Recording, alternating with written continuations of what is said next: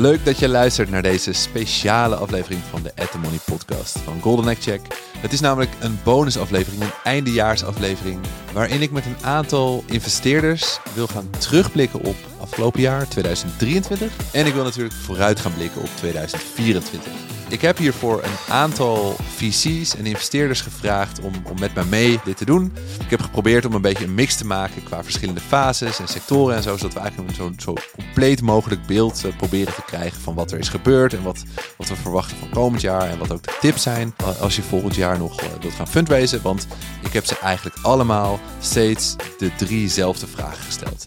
Ten eerste, hoe was 2023 voor jou? Ten tweede, wat verwacht je nou eigenlijk van komend jaar? En ten derde, als je nou als founder gaat fundraisen komend jaar, wat is dan jouw advies? Voor jullie in de aanbieding heb ik acht investeerders. Als ik goed geteld heb, ten eerste uh, Jeroen Bertrams, uh, die een angel investor is. Ik heb Bo Anachilla, die dit jaar partner is geworden bij Forward One. Ik heb Ernst Rustenhoven van Slingshot, Johan van Meel van Piek, Wouter Goosens van Fortino Capital, Anke Huiskes van MP Hard Ventures, die onlangs ook hun fonds hebben geclosed op 12 miljoen. Uh, Rinke Zonneveld van InvestNL. Uh, Gemma Bloemen van Creandum. En Warner Philips van Rubio Impact Ventures.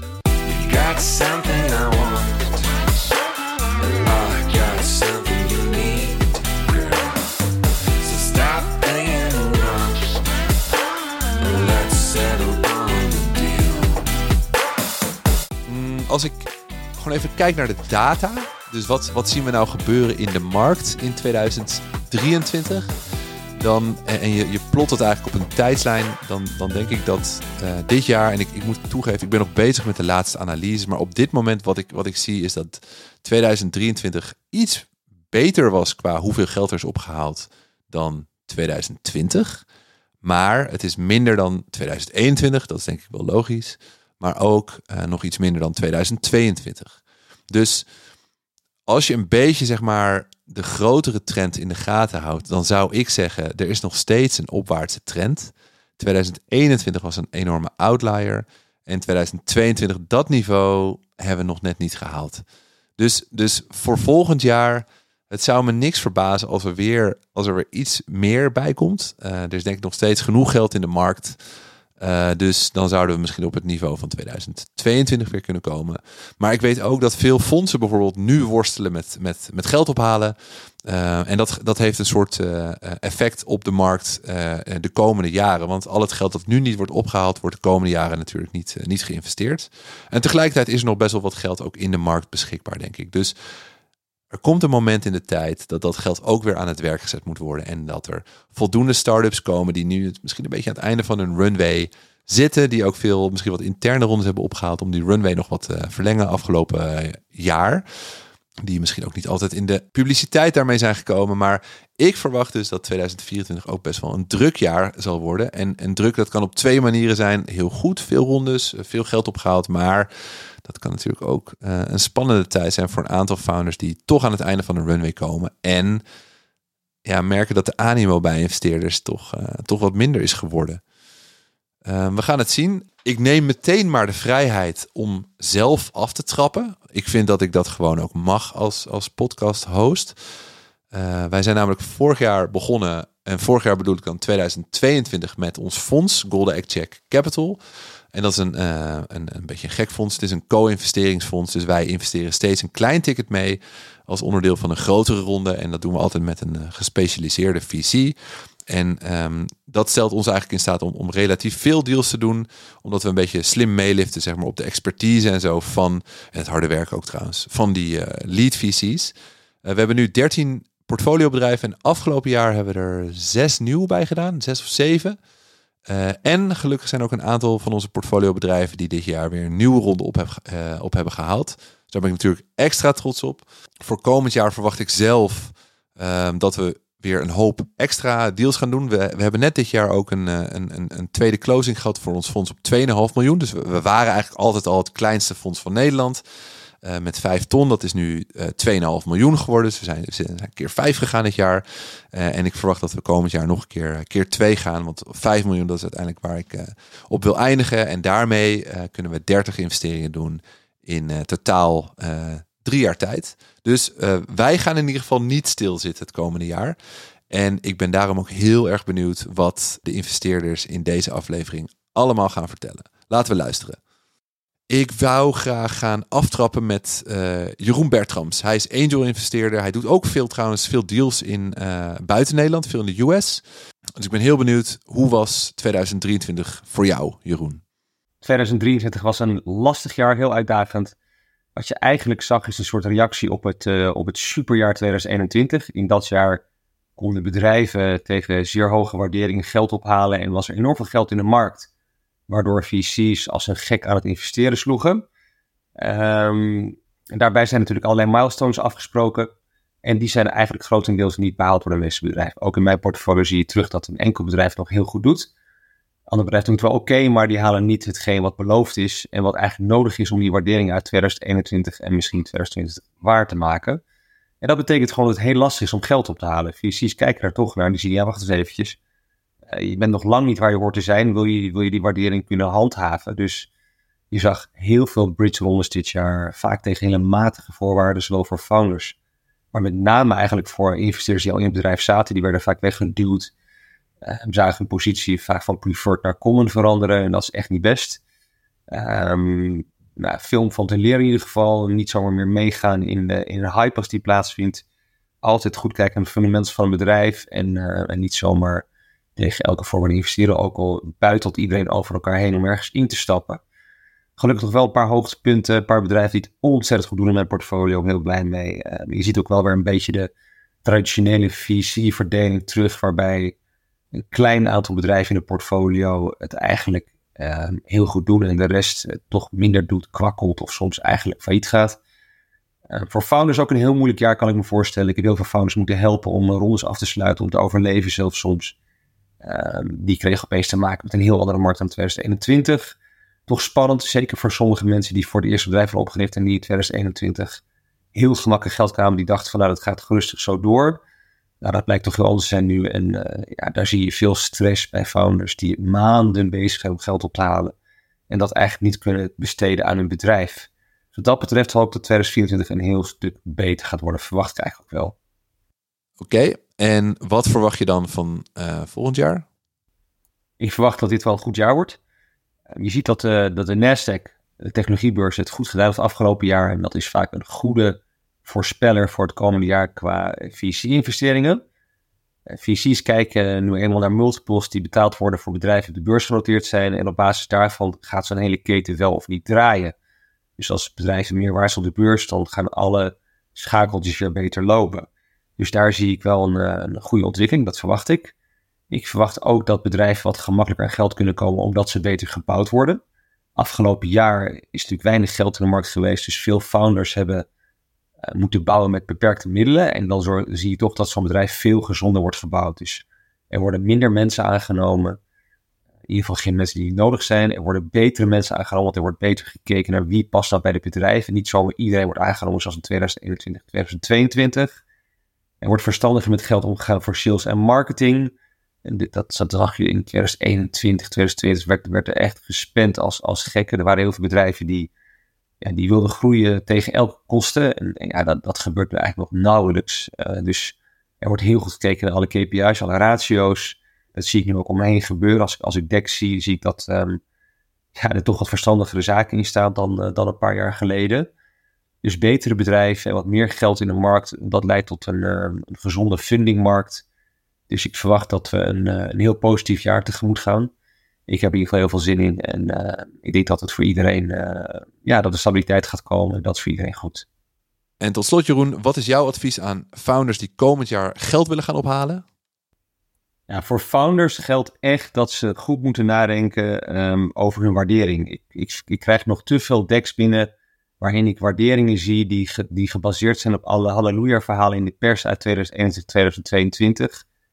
Uh, en dan krijg ik ze vaak aan drie maanden later nog een keer, nog een keer toegestuurd met een waardering die door de helft is. Maar dan is het al, is al te laat, weet je. Dan, dan, dan heeft een investeerder mentaal al, al, zo'n zo zo'n bedrijf afgeschreven. Dan heeft hij geen interesse meer. Dus bij het begin meteen goed nadenken. Vraag echt niet te veel. Uh, wees daarin voorzichtig en maak het niet te gek. Tegelijkertijd wees wel voorzichtig met het snel, te snel verwateren. Dus ga niet doe liever een, een, haal liever een kleiner bedrag op tegen een lage waardering dan, dan, een groot bedrag. Want, want als je snel veel geld gaat ophalen en dan verwaart je ook relatief snel. En dan maak je vervolgfinanciering een stuk lastiger. Je wil eigenlijk toch wel een behoorlijk stuk van je, van je bedrijf zelf in handen houden. Uh, dat is cruciaal. Die, die, die, die percentages, daar moet je ontzettend goed naar kijken. Daar moet je niet even in één dag bepalen. Daar moet je goed over nadenken. En je moet nu ook al goed nadenken wat voor rondes je uh, in de toekomst wil gaan doen. Om goed te kunnen bepalen ja, welk percentage je nu en de komende jaren kan opgeven. Natuurlijk loopt het waarschijnlijk allemaal totaal anders. Maar als je er helemaal niet over nadenkt, ja, dan wordt het sowieso een, een, lastige situatie. Dan eh, geef je of te veel of te weinig weg. als je te weinig weg wil geven, duurt het weer veel te lang. Geef je te veel weg, dan is de volgende ronde weer lastig. Dus dit is wel een spel wat je echt moet kunnen spelen. En, uh, en desnoods moet je daar hulp bij vragen om, uh, ja, bij, bij mensen die dit vaker gedaan hebben, dit spelletje. Dat is cruciaal. Daarnaast um, is het echt belangrijk om ja, gezond te bouwen en gezond te groeien. Als jij niet in staat bent om te bewijzen vrij snel dat je een business kan bouwen die winstgevend kan worden in, in, in, in theorie, ja, dan, daar kijken investeerders zo scherp naar tegenwoordig. Dan wordt het gewoon ontzettend lastig. Uh, iedereen kan groeien met, met een bak geld, uh, maar, maar kan je ook groeien op een gezonde wijze, of in ieder geval laten zien dat, dat het op een bepaald moment echt serieus gezond gaat worden, waarbij je iets heel groots gaat neerzetten.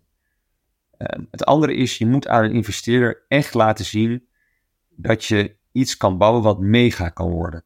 Ehm, als, als ik niet, niet voor me zie dat een bedrijf echt nou ja, een exit kan maken van een paar miljard, dan haak ik zelf al af. En, en, en dat geldt in ieder geval voor alle VC's in de Verenigde Staten, die haken dan sowieso af. Want die zijn natuurlijk veel meer risk-taking en die willen gewoon een eh, ongelooflijke opportunity zien. Dus die moet je wel kunnen laten zien en ook op realistische wijze kunnen laten zien. En natuurlijk loopt alles weer anders, maar als je dat niet eens kan laten zien, dat je iets gaat bouwen wat mega wordt, het kan op allerlei manieren zijn. Hè? Dat hoeft niet per se te zijn mega geld. Het kan ook mega impact zijn. Maar dan, dan gaan VC's kijken naar, naar jouw deck. En dan heb je in ieder geval de eerste stap gezet op weg naar een mogelijk gesprek. Dus dat zijn de zaken waar ik, uh, waar ik zeer op zou letten. Oké, dankjewel. Dit was Jeroen Bertrams. We gaan meteen door naar uh, de volgende. Dat is Bo Anachilla van uh, Forward One, een, een high-tech, deep-tech investor ja, Boanna, uh, ik denk dat 2023 voor jou een bijzonder jaar was. Um, hoe was het? Ja, ik moet bij het beantwoorden op deze vraag meteen denken aan een artikel in The Economist. dat ging over slush, hoe alle VC's daar natuurlijk um, bij elkaar kwamen in, in november. en er stond een, een titel bij met VC's partying like it's 1999. Um, en dat staat voor mij symbool voor het feit van, ja, als je kijkt naar het wereldtoneel, dan dan is er natuurlijk het echt wel het een en ander gebeuren. Met een hoge rentestanden en de inflatie is er gewoon minder geld beschikbaar voor durfkapitaal. Maar dat effect merk je in de VC-markt op dit moment niet. Omdat iedereen nog zo fondsen aan het uitgeven is die die twee jaar geleden of drie jaar geleden heeft opgehaald. Dus ehm, qua deals zie je daar gewoon nog enorm veel concurrentie. En, en, en nou ja, het voelt een beetje alsof iedereen in ontkenning is van van toch wel de moeilijke tijden die, die voor ons liggen. Maar dat gezegd hebbende, er zijn ook wel echt hele interessante ontwikkelingen geweest in 2023 die, die je terug kan zien in ons werk. En dat vind ik ook altijd het leuke aan ons werk, dat je wat er gebeurt op het wereldtoneel meteen terugziet in het innovatielandschap en waar er geld voor beschikbaar is. En met de huidige geopolitieke spanningen, het effect van de oorlog in Oekraïne, dat, dat begin je nu ook echt te zien in, ehm, in het VC-landschap. Bijvoorbeeld, er is echt een hernieuwde focus op, deep tech en hardware proposities. Het besef dat we nou ja, ons niet uit de klimaatcrisis uh, gaan, gaan redden met alleen maar software, dat, dat begint echt binnen te, dringen. en um, ja, je ziet dus meer geld richting de hardware proposities gaan. Wat voor ons leuk nieuws is, want uh, Forward One is een deep tech hardware investor. En nou ja, het, maakt in 2023 een echt interessant jaar. En wat verwacht jij van komend jaar? Ja, mijn verwachting is dat je de effecten van de ontwikkeling in de afgelopen jaren, die ga je pas volgend jaar zien. Dus het feit dat er in 2023 misschien wat minder fondsen hebben geclosed, ja, dat, dat effect ga je komende jaren merken, ook als de economie weer aantrekt. Uh, dus hoewel ik wel verwacht dat de exitmarkt op zich uh, positief gaat ontwikkelen en daar ook wel weer meer IPO's gaan komen en, en hopelijk unicorns. dat zal langzaam gaan, maar ik verwacht daar wel een positieve trend. Denk ik dat we nog wel een dip gaan tegenkomen in ehm, hoe moeilijk het is voor startups om een vervolgfinanciering op te halen. En wat is jouw advies aan founders die komend jaar willen gaan fundraisen? Ik denk dat uh, fundraisen altijd een goed idee is. Uh, maar dat het meer dan ooit belangrijk is om na te denken: wat heb ik bereikt ten opzichte van mijn vorige fundraise? Dus welke elementen maken dat ik nu een hogere waardering uh, heb bij mijn bedrijf?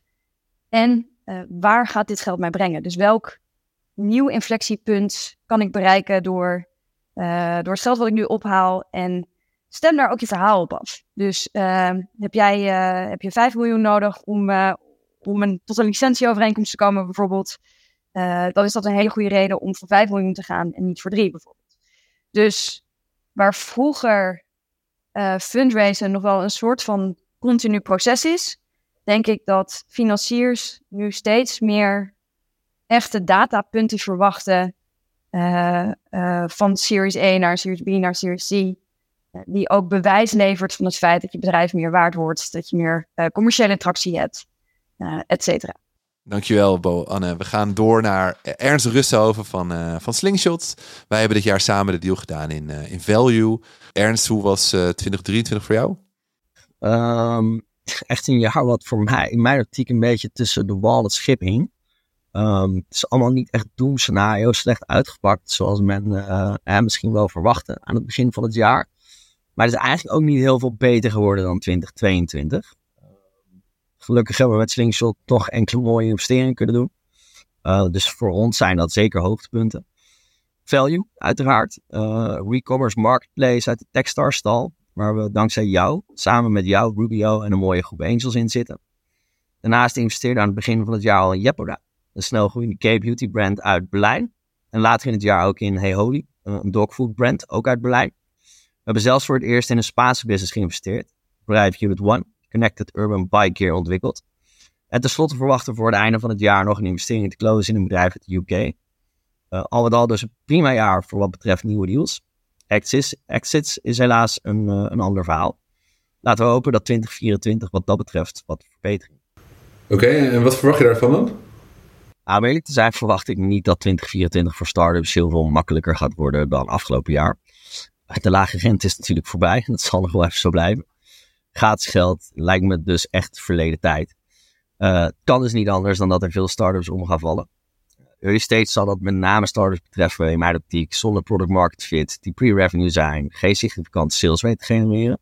En late stage zal het met name scalers betreffen die de afgelopen jaren hard gegroeid zijn, maar de groei nu stagneert of in de core niet winstgevend blijkt te zijn, uh, die veel mensen hebben aangenomen en door die snelle groei efficiënt zijn georganiseerd. Dan kan je wel gaan snijden, maar dat is waarschijnlijk too little, too late. VC's die nog genoeg funds hebben om door te pakken in 2024 kunnen, denk ik, uitstekende zaken doen. Met hindsight kan 2024 een prachtige vintage blijken. En tot slot, Ernst, wat is jouw advies aan founders die geld willen gaan ophalen komend jaar? Twee tips om mee af te sluiten. Eén, vraag jezelf als founder af of je bedrijf echt VC-geld nodig heeft. Niet elk business model en iedere markt zijn er namelijk voor geschikt. En twee, Wees realistisch in je verwachtingen. Wanneer je echt geld nodig hebt en je krijgt een redelijk tot goede aanbieding, pak die dan. Wees niet pennywise pound foolish. Thanks Ernst. Uh, de volgende is Johan. Johan van Meel van Piek. Uh, Johan, hoe was uh, eh, 2023 voor jou? 2023 was, was voor mijzelf echt een mooi jaar. Enerzijds het jaar waarin Piek 5, ons laatste fonds, wat investeert in seed marktplaatsen in Europa, volledig operationeel live was. Dus heel 2023 hebben we daarmee gebruikt. En anderzijds was het ook economisch een uitdagend jaar.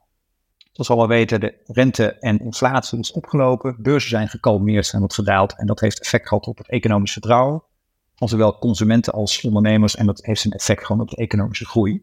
Nou, dat zien wij natuurlijk met als investeringsfonds in een, in een eh, zien we direct aan de businesskant, dus aan de klantenkant en wat indirecter zien we dat in de vervolgrondes, die bedrijven waarin wij hebben geïnvesteerd daarna gaan doen.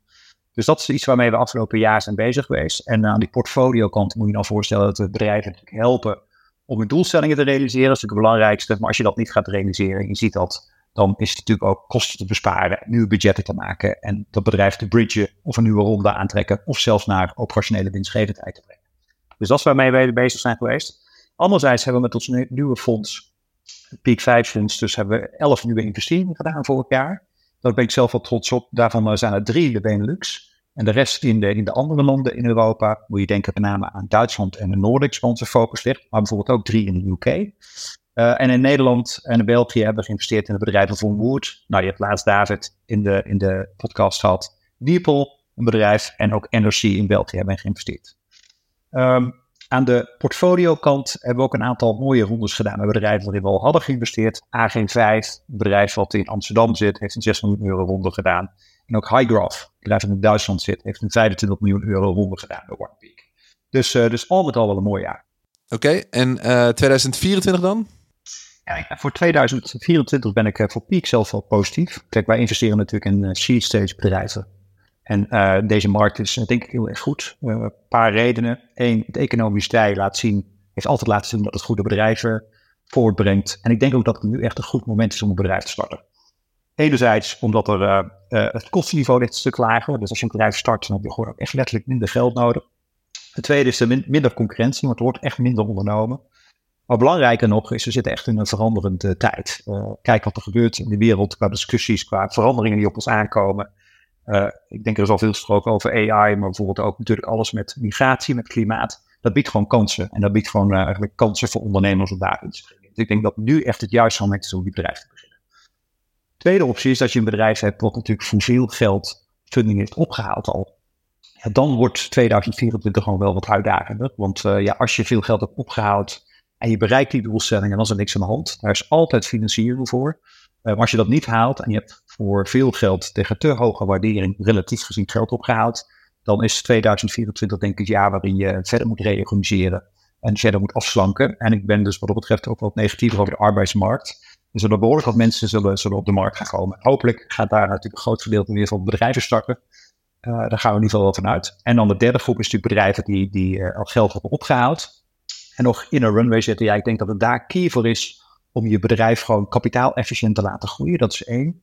Maar twee, ook heel erg goed op te letten op de, op de painkiller die je bent voor de bedrijven. Want als het economisch tegen zit, dan gaan consumenten en bedrijven natuurlijk heel goed kijken naar de budgetten en waaraan ze alles gaan besteden. En dan wordt er natuurlijk bespaard op producten en diensten die niet direct nodig zijn of niet, die niet direct waarde toevoegen. En ik denk als je daar in die markt zit, dan zou ik heel goed naar je waardepropositie kijken en de waarde die je toevoegt. En op bewijs opbouwen dat je bij je klanten daadwerkelijk echt uh, concrete waarde en nu ben ik natuurlijk ook benieuwd naar jouw advies aan founders die komend jaar willen gaan fundraisen. Ja, ook in 2024 zijn er heel veel fondsen die net een fonds gevuld hebben, net zoals Peak, die heel naast op zoek zijn naar uh, founders en naar bedrijven te investeren. Dus ik denk dat het goede nieuws van 2024. Ik denk uh, waar je bij rekening moet houden is dat het sentiment, het economische sentiment natuurlijk wel anders is. En dat dus enerzijds investeerders nog beter zullen kijken, hey, past dit bedrijf wel bij me? Dus past de fase waarin uh, je zit met je bedrijf wel bij je, maar past ook de propositie en past het wel bij de juiste partner of persoon die je benadert daar. Dus zou nog beter je huiswerk uit doen. En als laatste zou ik er heel erg op letten dat je je product nog beter eigenlijk is ontwikkeld, waardoor investeerders heel duidelijk kunnen zien welk probleem je oplost en wat willen jouw klanten daarvoor betalen, hoe blij ze daarmee zijn. Je ziet over het algemeen dat een economisch sentiment meer consumenten, maar ook bedrijven hun diensten kritisch onder de loep nemen en eigenlijk diensten en producten gewoon minder gaan gebruiken. En ik denk dat investeerders daar ook nog beter op zullen letten. Dus hoe beter user metrics je kunt aandragen, cohorts, uh, hoe beter je nou eigenlijk kan laten zien dat de klanten die je hebt blij zijn met jouw product, hoe makkelijker het zal zijn om geld op te halen.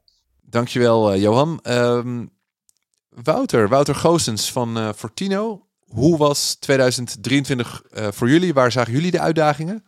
Wat ons het meeste stress heeft gegeven is de turbulentie van de VC-markt, met name in de eerste helft van het jaar, en de onzekerheid die daarmee gepaard ging over wanneer het een goed moment zou zijn voor onze portfoliobedrijven om meer opnieuw naar de markt te gaan om geld op te halen. Oké, en uh, wat verwacht je dan van volgend jaar? Voor 2024 verwachten we dat we flight quality zullen blijven zien in VC.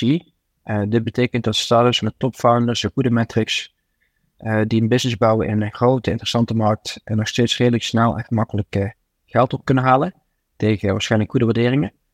Maar voor bedrijven die niet bij de top van de top horen, gaat het, gaat het lastiger worden. Um, dus deze bedrijven zullen rekening moeten houden met langere fundraising trajecten, um, met ook uh, diepgaandere DD. Door de flight to quality denken we ook dat we een toename gaan zien in bankruptcy cases, met name in seed stage. Deze bedrijven hebben vaak geen alternatief voor funding als de VC-markt er niet voor ze is.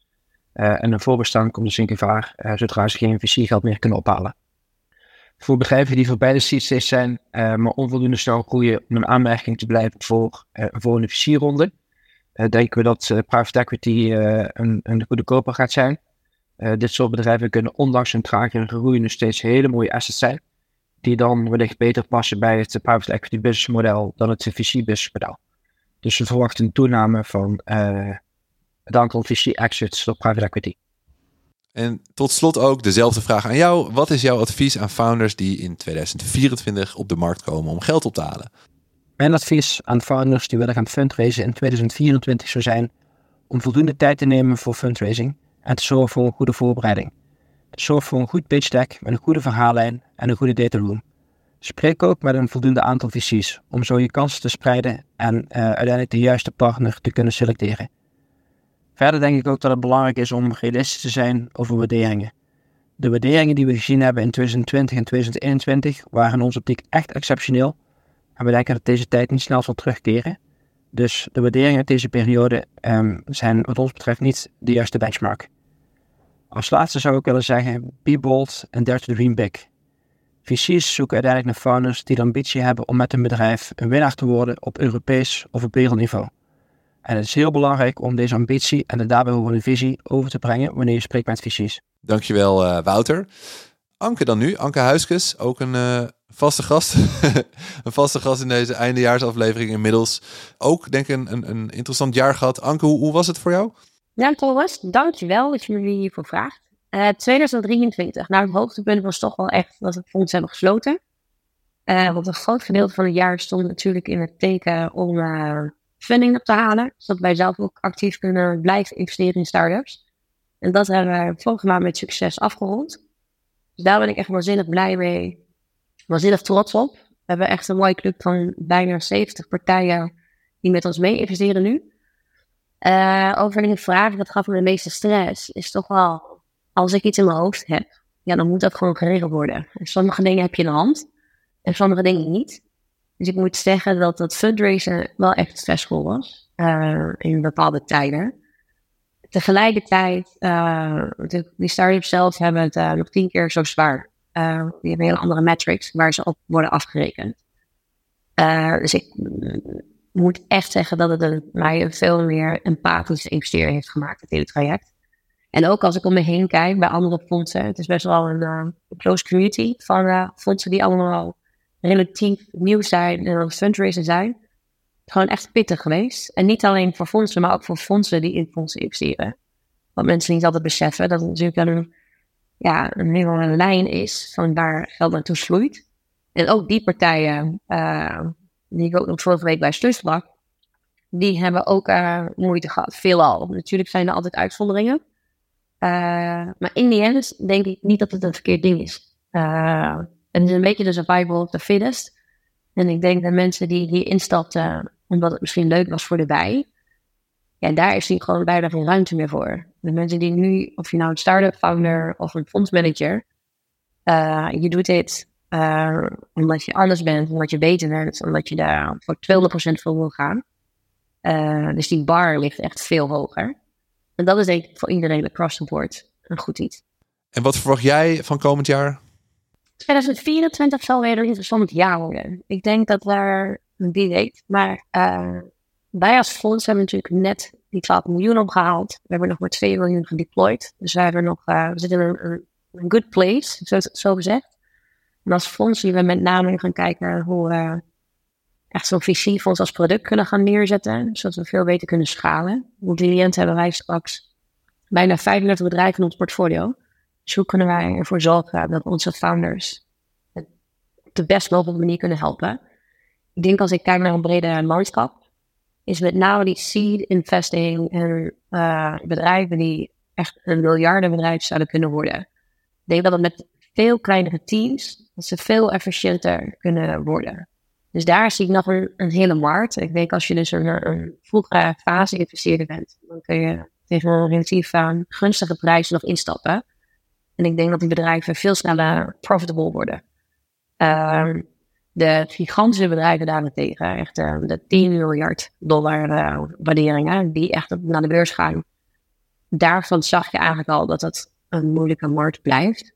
Uh, dat VC's die in elkaars deals gaan investeren, waardoor die waardering eigenlijk wellicht misschien een beetje kunstmatig omhoog wordt gedreven. Dat zul je veel minder zien omdat daar veel minder kapitaal is. Er wordt minder kapitaal door distributies teruggebracht naar de LP's. Waardoor ik denk dat die fondsen ook lastiger krijgen met het ophalen van echt. Nou, nu hebben we van die 3 miljard, 6 miljard fondsen in de VS. Dus die markt is denk ik heel tricky. Um, en natuurlijk is AI, AI, AI, uh, denk ik het codewoord. Ik denk dat uh, de grote partijen zoals Amazon, Adobe Microsoft, ja, die blijven nog wel echt winnen. En dan heb je dus die kleine, de kleine spelers die iets voor zichzelf uh, creëren. Daar zie ik ook wel echt hele mooie groeikansen in. Ik denk die middenlaag, waar je toch heel veel geld tegenaan moet gooien. En die dan toch met Microsoft en Adobe willen concurreren, dat het gewoon heel lastig wordt. Um, dus daar zal wij best wel ook als fonds heel nauwkeurig in waar wij onze tijd aan besteden en wat voor type deals waar we naar, naar kijken. Mm.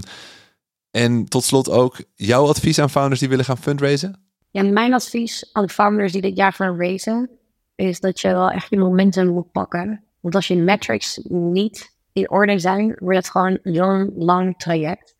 Waarbij je in plaats van een, heel uh, goed proces, say drie maanden op bent zie je dan veel meer een rolling close. Dus ja, dan eigenlijk een convertible note of een safe met een bepaalde cap, uh, eigenlijk continu aan het fundraisen bent.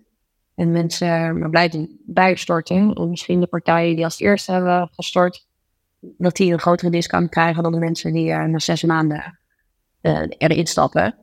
Dus dat hebben we ook wel gehad met één bedrijf in de VS, die dat op die manier toch wel de fundraising rond heeft kunnen krijgen als jij van de C naar de Series 1 nu gaat, ja, dan moet je een duidelijk pad laten zien hoe je toch aan die ja, tussen 1 of 2 miljoen ARR komt.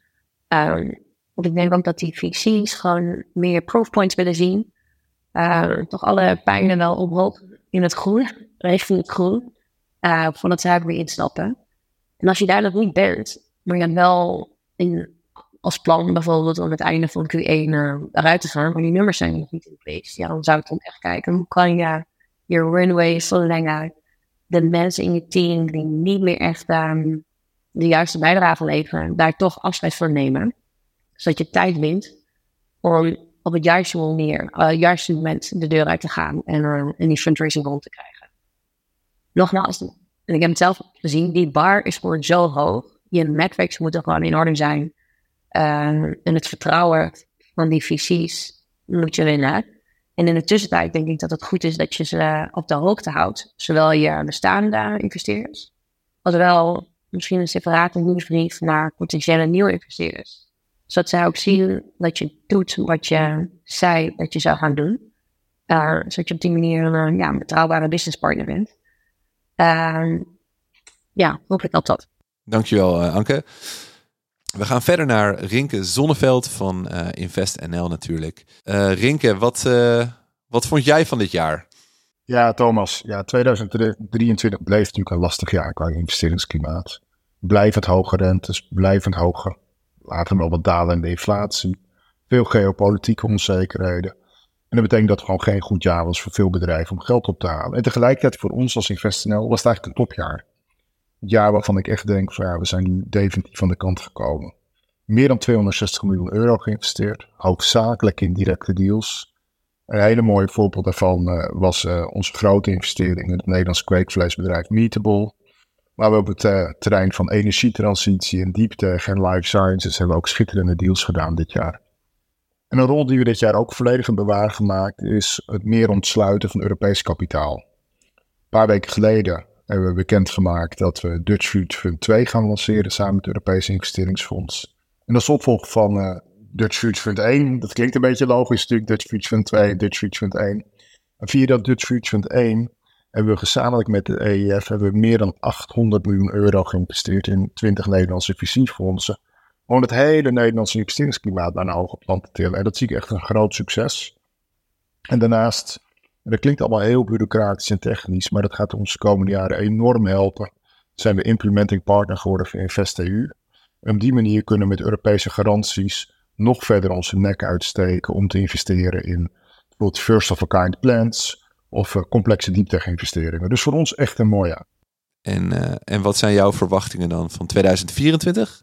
Eerlijk gezegd had ik al verwacht en gehoopt dat in 2023 het investeringsklimaat zou aantrekken. En dat is maar heel mondjesmaat gebeurd. En dan blijft 2024 blijft een beetje glazen bol kijken. Een paar positieve dingen. Inflatie is gedaald, rente begint langzaam te dalen. En er zijn natuurlijk gewoon echt heel veel fondsen die nog stevig in het kapitaal zitten en moeten gaan investeren in een investeringsperiode. En tegelijkertijd, ik maak me best wel zorgen. Ik zie uh, behoorlijk wat bedrijven, kapitaalintensieve bedrijven, richting de eind van hun runway komen. En die heel veel moeite hebben om, uh, om hun volgende kapitaalronde op te halen. Ik denk dat inmiddels de angst in de markt om uh, neerwaartse waarderingsrondes te accepteren wel een beetje is weggenomen. Maar tegelijkertijd gaan komend jaar uh, nog stevige klappen vallen van bedrijven die niet tijdig hun, hun vervolgronde op, op orde krijgen. en ik, ja, ik denk ook bij ons in de portefeuille betekent dat dat we een aantal bedrijven hebben waarvoor het komend jaar super spannend gaat worden. Wij willen er voor die bedrijven zijn, maar betekent ook dat we de juiste private investeerders langs zijn moeten kunnen trekken. En tot slot, Rinke, wat is jouw advies aan founders die willen fundraisen? Die tip is eigenlijk niet anders, Thomas, dan in 2023 2022 of zelfs 2004. En dat is, heb je boel op orde? Als je met ons en andere investeerders in gesprek gaat, zorg dat je echt een realistisch beeld hebt met je businessplan. Zorg dat je je cijfers op orde hebt. Dat je voorspellingen niet helemaal door het dak heen gaan, maar realistisch zijn. En als je eenmaal een investeringsronde hebt opgehaald, wees zuinig met geld. Cash is king en het geldt in jaren waar het moeilijk is om geld op te halen en waar er meer wordt gekeken naar een langere runway, dat helemaal cruciaal. Dus een beetje nuchterheid in de markt en een beetje nuchterheid bij founders is uh, cruciaal, denk ik, komend jaar. Dankjewel, uh, Rinke. Gemma dan, Gemma Bloemen van uh, Creandum. Eigenlijk een internationaal fonds die ook, denk ik, steeds meer in Nederland actief zullen gaan zijn. Dus hou eens in de gaten. Gemma, wat vond jij van 2023? 2023 was een heel interessant jaar in de investeringswereld. Het was toch echt wel een jaar van calibratie. Aan het begin van het jaar was het erg rustig. Uh, er waren heel veel fondsen die gewoon een beetje de kat uit de boom aan het kijken waren. Wij konden daardoor heel actief zijn en een aantal hele goede deals doen. aan het begin van het jaar voornamelijk ook nou ja, hoge groei, hoge AR deals die, waar je anders, waar het heel competitief zou zijn, maar waar gewoon toen ja, een, een aantal hele interessante bedrijf kwamen tegenkwamen. Toen, deze, de afgelopen paar maanden, is het wel echt weer een stuk drukker geworden. En het is een soort van een, een, tail of two market. Ja, een aantal bedrijven die, die heel hard aan het groeien zijn, met die in SaaS hoge margins, uh, in, in hele aantrekkelijke markten, die, waar nog steeds investeerders achteraan het rennen zijn en, en hele hoge valuations voor betalen. En dan heb je andere bedrijven waar net even iets daar niet uh, de checklist uh, bij passen, die hebben het gewoon een stuk moeilijker om geld op te halen. Um, en dat merken we zowel bij, de, bij, bij onze nieuwe investeringen als wel, zowel als bij ons portfolio bedrijven. Dus het was wel een, een interessant jaar waar we gewoon echt deze nieuwe markt uh, wat, wat beter aan het werken. Oké, okay, en als we vooruitkijken naar volgend jaar? Ja, ik denk dat het 2024 een druk jaar wordt. Uh, sowieso zien we dat er een aantal van onze bedrijven die het goed doen, uh, die, gaan, die gaan allemaal geld weer op te halen vorig jaar. En het is ook gewoon nu al november, december een stuk drukker dan het de afgelopen maanden of de maanden daarvoor uh, de rest van het jaar was. en dat is voor part, partly denk ik omdat er nou, bedrijven gewoon misschien inderdaad aan het einde van de runway zitten, maar er zijn ook gewoon er meer vertrouwen in dat er investeerders zijn. En, en, mensen, en mensen snappen nu meer hoe deze markt werkt, wat de juiste waarderingen zijn, um, wat de milestones zijn die, waar, uh, waar investeerders naar aan het kijken zijn. Dus, en, en als er meer kennis is en, en meer predictability, dan leidt dat erdoor dat er gewoon meer bedrijven naar de markt gaan. Um, en ik denk niet dat waarderingen terug omhoog gaan in het algemeen. Maar ik denk wel dat we nog een aantal van die hele rare uitschieters zien. Waar dus bedrijven zijn die alle boxen tikken en waar dan een hele competitieve ronde wordt. Ehm, en, en opeens krijg je dan waarderingen die, die, die wel vergelijkbaar zijn met een paar jaar geleden. Maar dat is niet het gemiddelde, dat is ook niet de 20%, dat zijn echt de 1 op 100 uh, gevallen. De exit market, we hopen dat er eind van het jaar weer uh, nou ja, IPO's op gang komen. Dat is, nou ja, we wachten gewoon op een aantal van de grote IPO's, de Stripes en, zo van de wereld. Als dat op gang gaat komen, dan verwachten we dat de exit market uh, ook wel weer een beetje bijtrekken. De, de, de easing um, van interest rates kan daarbij helpen in, in Amerika en, en andere landen. En tot slot ook voor jou dezelfde vraag. Wat is jouw advies aan founders die willen fundraisen komend jaar? Nou, de meeste bedrijven die kunnen eenvoudig niet kiezen of ze wel of niet dit jaar naar, naar de markt gaan. Op een gegeven moment heb je gewoon geld nodig. Uh, en je kan niet gewoon oneindig doorgaan zonder geld. Behalve als je dus eventueel heel erg uh, je groei naar beneden haalt. En uiteindelijk denk ik dat het beter is om gewoon als je nu 3x groeit, uh, om dan over een paar maanden naar de markt te gaan. Dan zeggen, hé, hey, we gaan een stuk langzamer groeien en dan kunnen we misschien een jaar daarop. Ik denk dat volgend jaar uh, niet veel slechter wordt dan het jaar daarop. Dus nu is het tijd, maar zorg dat je goed voorbereid bent. ik denk dat het belangrijk is dat je echt gewoon je verhaal sterk hebt. Dat je dat je, dat je, je deck op orde hebt, je data op orde hebt. Dat je echt je bedrijf kent. En, en want op dit moment investeerders doen gewoon meer diligence en, en die willen meer weten over, uh, over alles. Zorg dat je je tijd ervoor uittrekt. Um, en zorg dat je meer investeerders spreekt. Um, en, en veel meer dan in het verleden. Maar in het verleden, misschien als je het super goed, een bedrijf was, je voor één termsheet vijf mensen moest spreken. En voor vier termsheets twintig. Nu heb je er, moet je er misschien 40 of 50 of 100 spreken.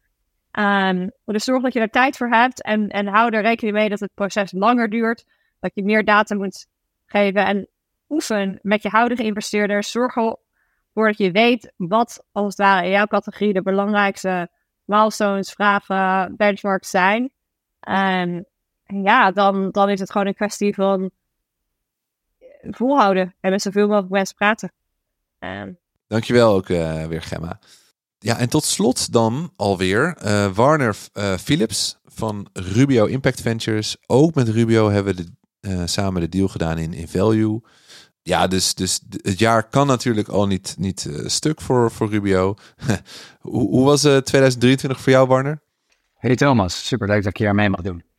Ik blik even terug op 2023 om te beginnen. Um, hoewel wij natuurlijk enorm van moonshots houden, was 23 wat mij betreft wel een beetje een down-to-earth year.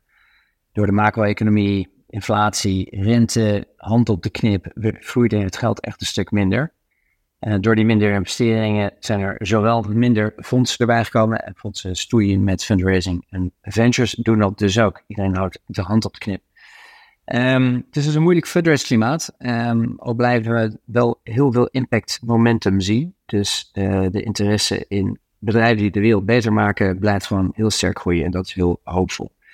Um, als ik terugkijk bij Rubio, wat we zagen, hebben we toch uh, afgelopen jaar, als ik me niet vergis, een stuk of zes nieuwe deals gedaan. Waaronder Value, een marktplaats voor gebruikte elektronica.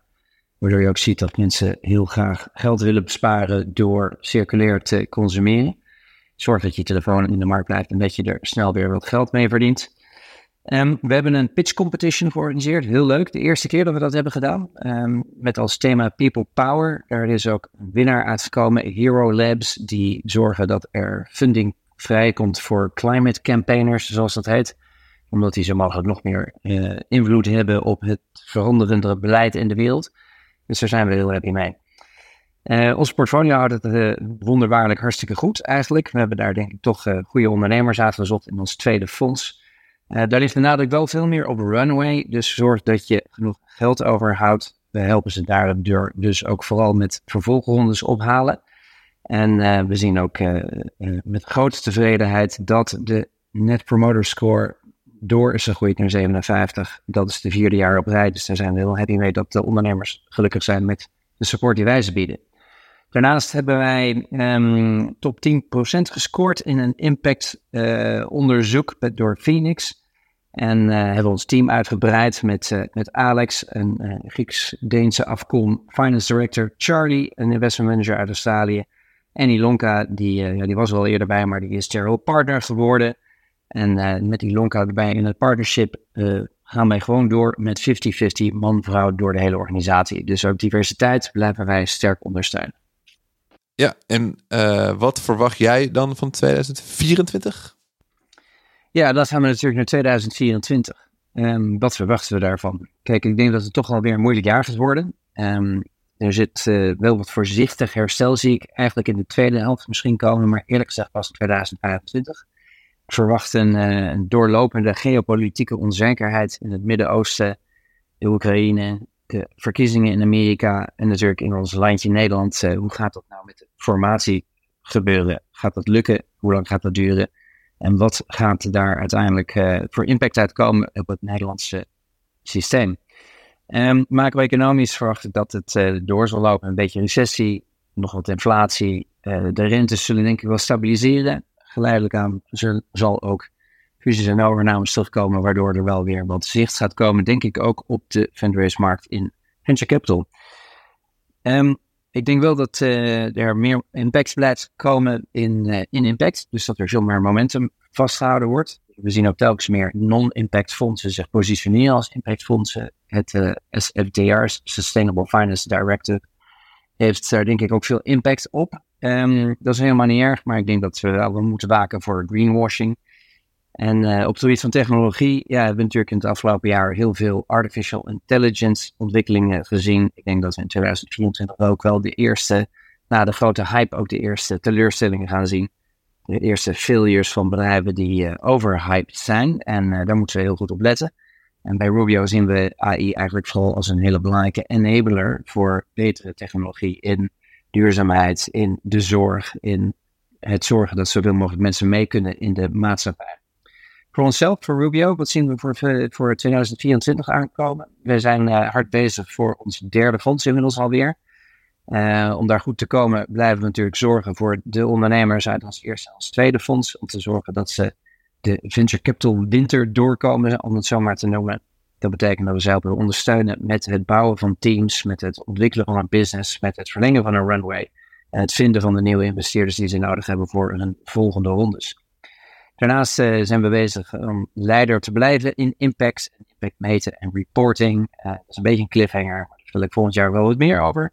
En we zien vooral het tempo toenemen, ondanks een tragere markt. Hebben wij gezien dat we in Fund 1 15 investeringen in vijf jaar hebben gedaan. Dat is ongeveer drie per jaar. En in Fund 2 hebben we al 30 op de, rit zitten tegen het einde van Fund 2. En dat zijn er ongeveer 7,5 per jaar, dus 2,5 keer sneller.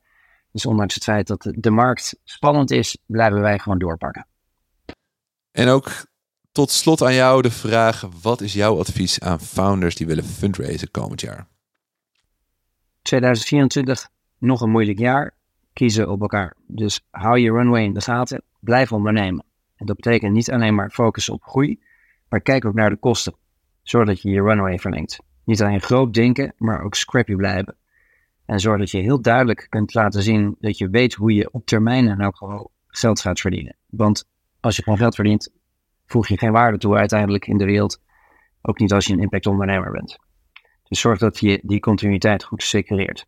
En als laatste wil ik zeggen, dat is eigenlijk een, een advies van alle tijden, zoek je investeerders zorgvuldig uit.